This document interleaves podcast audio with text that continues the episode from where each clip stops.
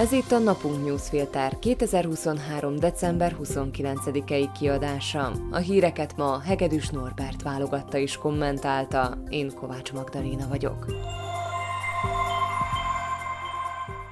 Kedves hallgatók, a téli szünetben előfordulhat, hogy egy-egy nap kevesebb eseményhez írunk jegyzetet.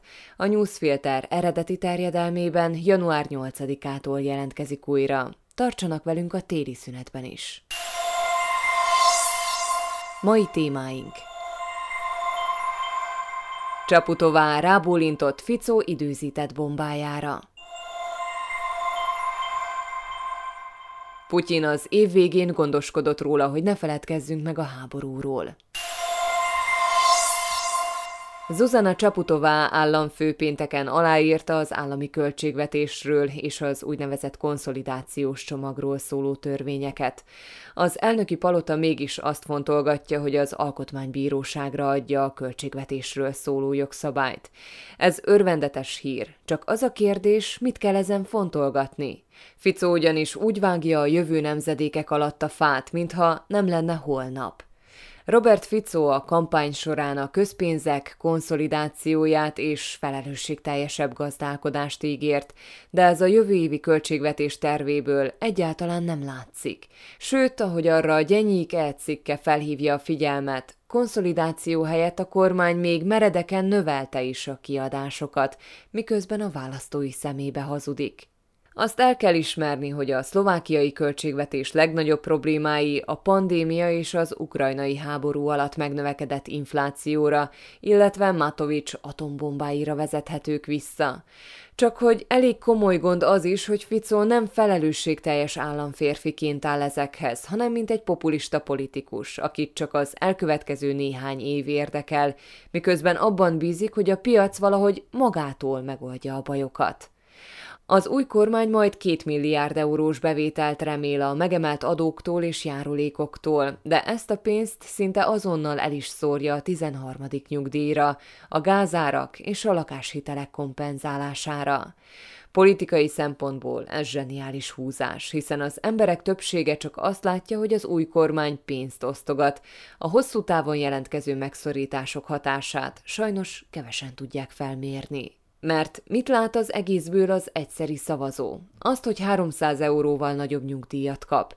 Abba már nem gondol bele, hogy ezt a pénzt a második pillér meggyengítéséből szerzi a kormány, ami csak évtizedekkel később érezteti majd a hatását abban, hogy az akkori nyugdíjasoknak sokkal alacsonyabb nyugdíjuk lesz.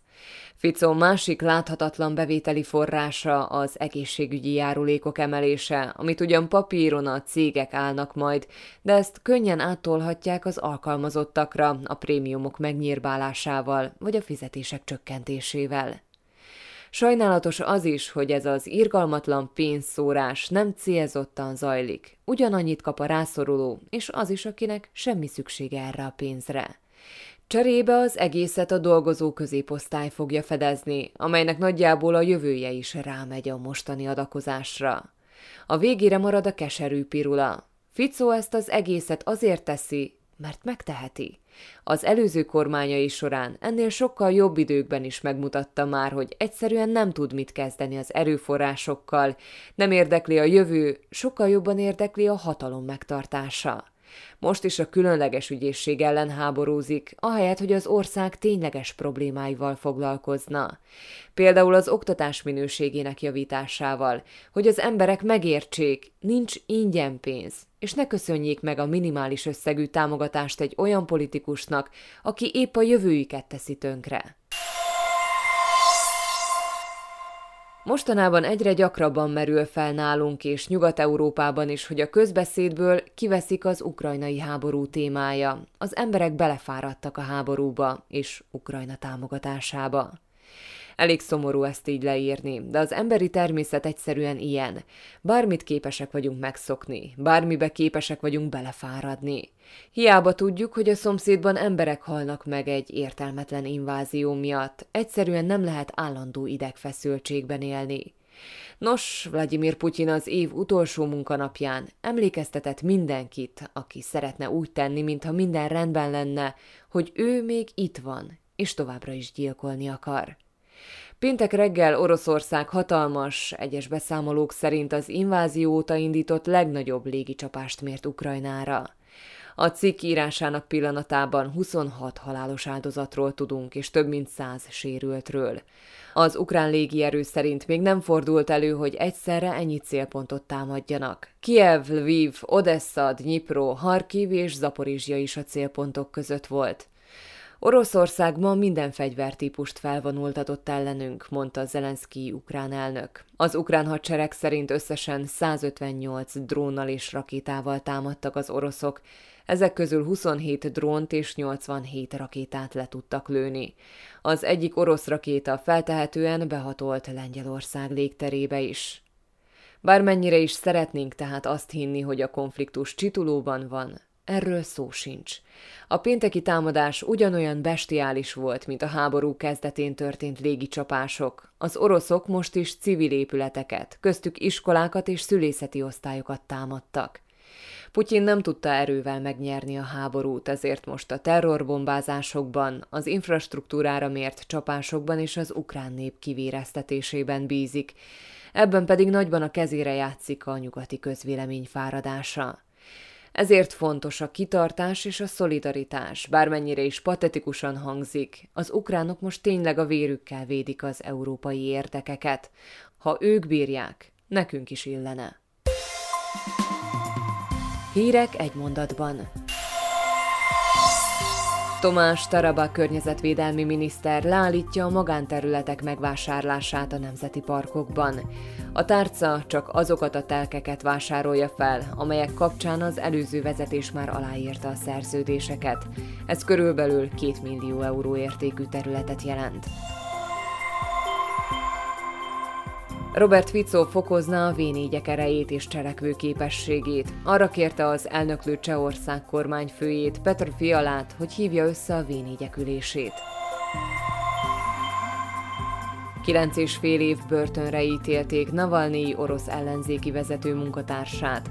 Egy orosz bíróság pénteken kilenc és fél év börtönbüntetésre ítélte Ksenia Fagyejeva ellenzéki politikust.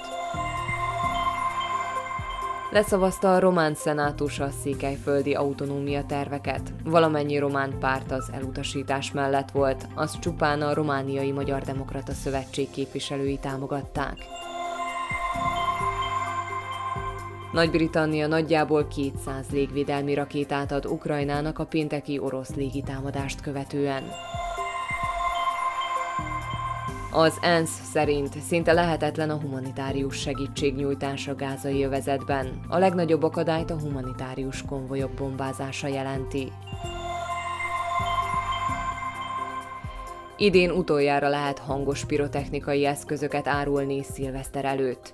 A jövő évtől fogva csak hivatásos tűzszerészek használhatnak tűzijátékot a települések engedélyével.